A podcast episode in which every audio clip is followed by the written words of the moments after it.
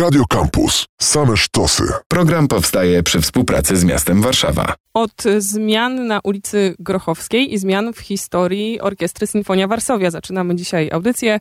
W ubiegłym tygodniu miasto podpisało umowę na przebudowę i rewitalizację siedziby orkiestry przy ulicy Grochowskiej. Z nami Maciej Czeredys z Sinfonii Warszawi. Dzień dobry.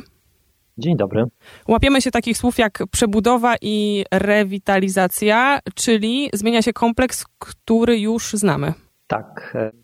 Adres Grochowska 272 to miejsce dosyć historyczne, bo e, jest to właściwie najstarsza uczelnia wyższa, która tutaj e, pojawiła się w końcu XIX wieku, czyli Instytut Weterynaryjny ten kompleks e, pięciu zabytkowych budynków e, od 2010 roku jest w posiadaniu e, miasta stołecznego Warszawy i Symfonii Warszawi jako samorządowej instytucji kultury. I właśnie ten obiekt jest tematem no, różnego typu działań, które podejmujemy i które mam nadzieję właśnie udało nam się niedawno przekuć w, w po prostu już w rozpoczęcie robót budowlanych i podpisana została umowa w zeszłym tygodniu e, na realizację pierwszego etapu. Ten etap obejmie modernizację, adaptację trzech e, zabytkowych budynków, które są położone najbliżej ulicy Grochowskiej. To są takie dwa pawilony narożne, zaraz bezpośrednio przylegające do ulicy Grochowskiej i tak zwany pałac. To jest tak naprawdę budynek główny tego kampusu akademickiego.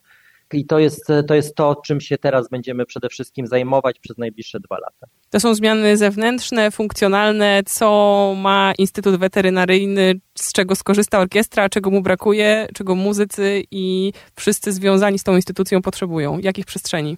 Zmiany są dosyć istotne, chociaż oczywiście jakby zmierzamy w kierunku przywrócenia pewnych wartości jakby temu zabytkowemu e, zespołowi, więc, więc na pewno on e, odzyska pewne swoje, pewne elementy związane z fasadami, z, z takimi charakterystycznymi narożnymi świetlikami, czy, czy będziemy rekonstruować przede wszystkim fasadę, która została jeszcze przed II wojną światową skuta e, tego budynku głównego. Natomiast oczywiście, że przez to, że była to placówka edukacyjna, a a teraz właściwie jest to taki wielofunkcyjny zespół, który jednocześnie łączy funkcje też edukacji muzycznej ale też są to po prostu biura e, jakby Symfonii Warsowi, więc te, te funkcje oczywiście, że ulegają jakby zmianie i adaptujemy ten obiekt również akustycznie, ponieważ no, placówka akademicka nie ma aż takich wymagań, jeżeli chodzi o akustykę, jaką, jakie ma, mają przestrzenie do wykonywania muzyki, e, więc, e, więc, więc tak, więc powstanie nowa mała sala, taka kameralna sala, koncertowa w jednym z pawilonów, odnowiona i jakby polepszona, ulepszona, można powiedzieć, zostanie mm, taka historyczna aula znajdująca się właśnie w tym budynku głównym. Poza tym e, pojawi się szereg przestrzeni dedykowanych różnym grupom odbiorców, ale to będą takie przestrzenie e, raczej dedykowane edukacji muzycznej, upowszechnianiu muzyki, realizacji różnego typu programów w ramach których e, osoby mniej lub bardziej profesjonalnie przygotowane do powiedzmy zajmowania się muzyką będą mogły, z których będą mogły korzystać. Pojawi się też przestrzeń takich, tak zwane rezydencje artystyczne, to znaczy będą to przestrzenie, do których będziemy mogli zapraszać gościnnie mm, na jakiś okres czasu artystów, muzyków z, mamy nadzieję, z całego świata którzy na miejscu będą mogli też realizować różnego typu tutaj własne projekty i działania w różny sposób, jakby dotykające jakby kwestie muzyki, dźwięku. Będzie też, będą też, będzie kawiarnia, restauracja, e, oczywiście jak wspomniałem przestrzenie biurowe, więc jest to taki wielofunkcyjny tak naprawdę kompleks, e, na razie trzech budynków, e, no, w tym drugim etapie oczywiście y, wzbogacono wielką salę koncertową, też taką porządną salę prób dla orkiestry y, i duże, duże zaplecze, więc, y, więc jest to dosyć ambitny projekt.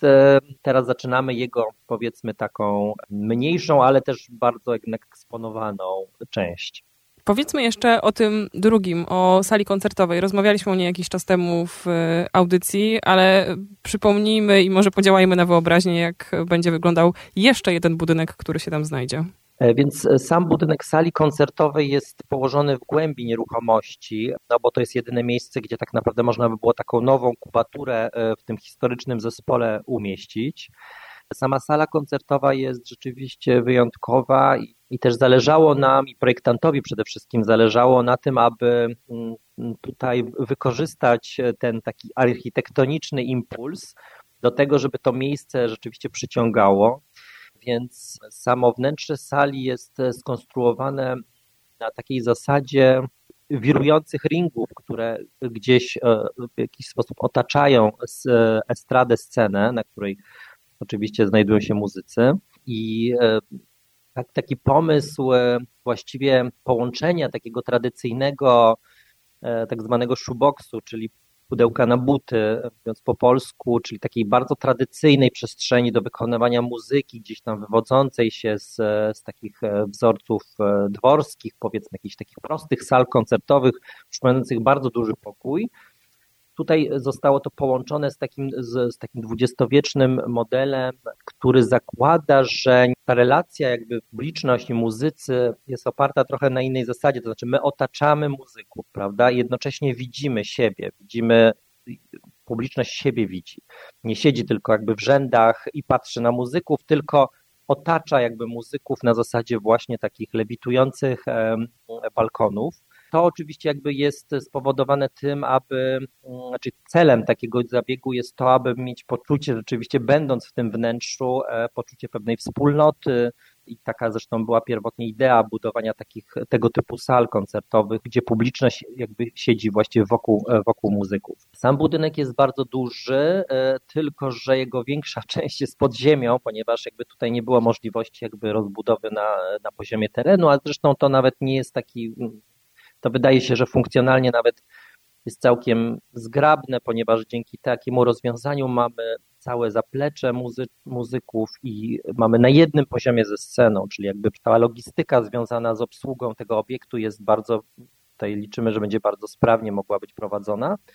Publiczność, słuchacze, trafiają na ten poziom ogrodu, e, foyer, to jest wszystko na jednym poziomie. Tutaj e, wchodząc do foyer będzie przez wielkie okno widać tą salę koncertową, ponieważ ona jest też przeszklona w pewnych partiach, co pozwala też na dostęp do niej światła dziennego.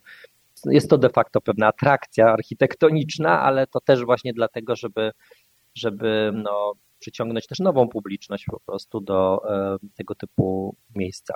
Jak rozumiem, to drugi etap po zakończeniu pierwszego realizowany. Tak byłoby najlepiej, chociaż, e, chociaż tutaj no, już e, trochę uchylę rąbka tajemnicy, że trwają, rozpoczynamy przygotowania do postępowania przetargowego, który chcieliśmy jeszcze w tym roku ogłosić. I mamy zielone światło z, z miasta, z ratusza, żeby, żeby, to, żeby to zrobić, więc no, zobaczymy czym to się skończy, bo oczywiście ten drugi etap, jak łatwo sobie wyobrazić, jest znacznie bardziej skomplikowany i kosztowniejszy niż ten pierwszy. E, no, sytuacja na rynku budowlanym jest e, jaka jest, jest, jest, jest, jest, jest, jest nie, można powiedzieć nie najlepsza. Natomiast no, my uważamy po prostu, że no, ten projekt rzeczywiście ma już swoją historię i trochę jest tak, że to jest takie nieustanne oczekiwanie, a to, że on się w końcu jakby wydarzy.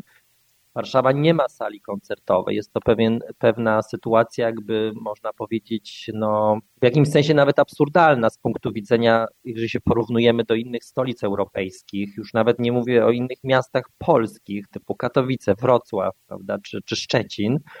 E, właściwie nie ma nowoczesnej sali koncertowej. Znaczy, wszystkie te, które są, mają świetną akustykę, są bardzo małe, jak na przykład studio Polskiego Radia, natomiast e, Sala Filharmonii jest to sala na tysiąc osób, też stosunkowo nieduża. No, Warszawa wydaje się, że no, potrzebuje jako i stolica, i po prostu duże miasto z prawdziwego zdarzenia sali koncertowej, ponieważ no, teraz wiele programów muzycznych, wiele projektów muzycznych, wiele wydarzeń po prostu się odbywa poza Warszawą, w Katowicach, gdzie jest bardzo dobra infrastruktura do organizacji takich wydarzeń, nawet o charakterze międzynarodowym. No tutaj sala kongresowa zniknęła, prawda, więc e, właściwie została opera, zresztą my tam też często korzystamy z, z gościnności opery, no ale nie jest to też, jest to teatr operowy, nie jest to de facto sala koncertowa, więc to też jakby ma swoje, swoje ograniczenia. Czy ta budowa i ta inwestycja może mieć taki symboliczny albo nawet y, czysto praktyczny wpływ na funkcjonowanie orkiestry? Bo można myśleć raz, że to jest ogromny zespół, który mnóstwo czasu spędza poza Warszawą koncertując, ale z drugiej może jest coś w takim posiadaniu w cudzysłowie własnego domu. To na pewno, bo myślę, że tutaj wielu muzyków, e, no, to koncertowanie poza granicami jest tak jak można na to dwuaspektowo chyba spojrzeć. Z jednej strony oczywiście Symfonia Warszawia jest ambasadorką kultury polskiej, ponieważ koncertuje w różnych miejscach, pojawia się i tak dalej. Ma w nazwie Warszawę, więc jest też ambasadorką Warszawy.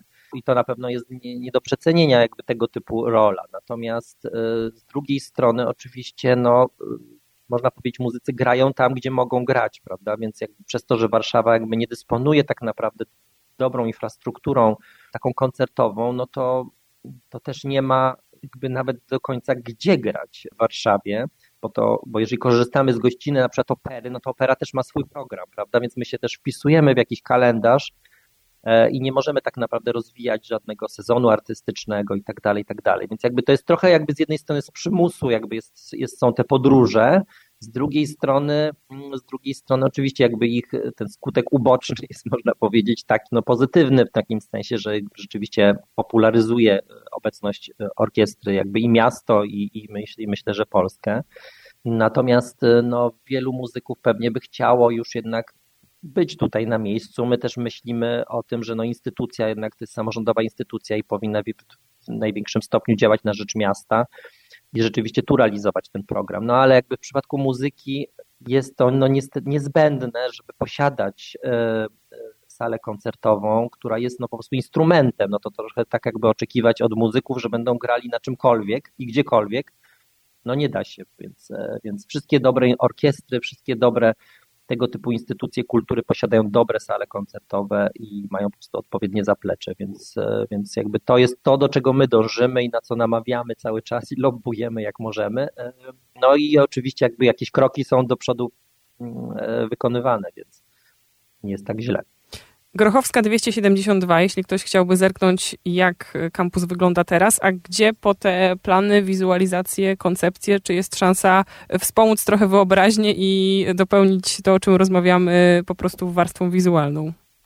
E, mogę odesłać oczywiście chociażby na YouTube do, do profilu Symfonii Warsowi. Tam jest szereg e, różnego typu filmików, też takich, które wykonywaliśmy na przykład w makiecie akustycznej którą wykonywaliśmy na potrzeby badań akustycznych i taki projekt był Symfonia Warszawia w skali.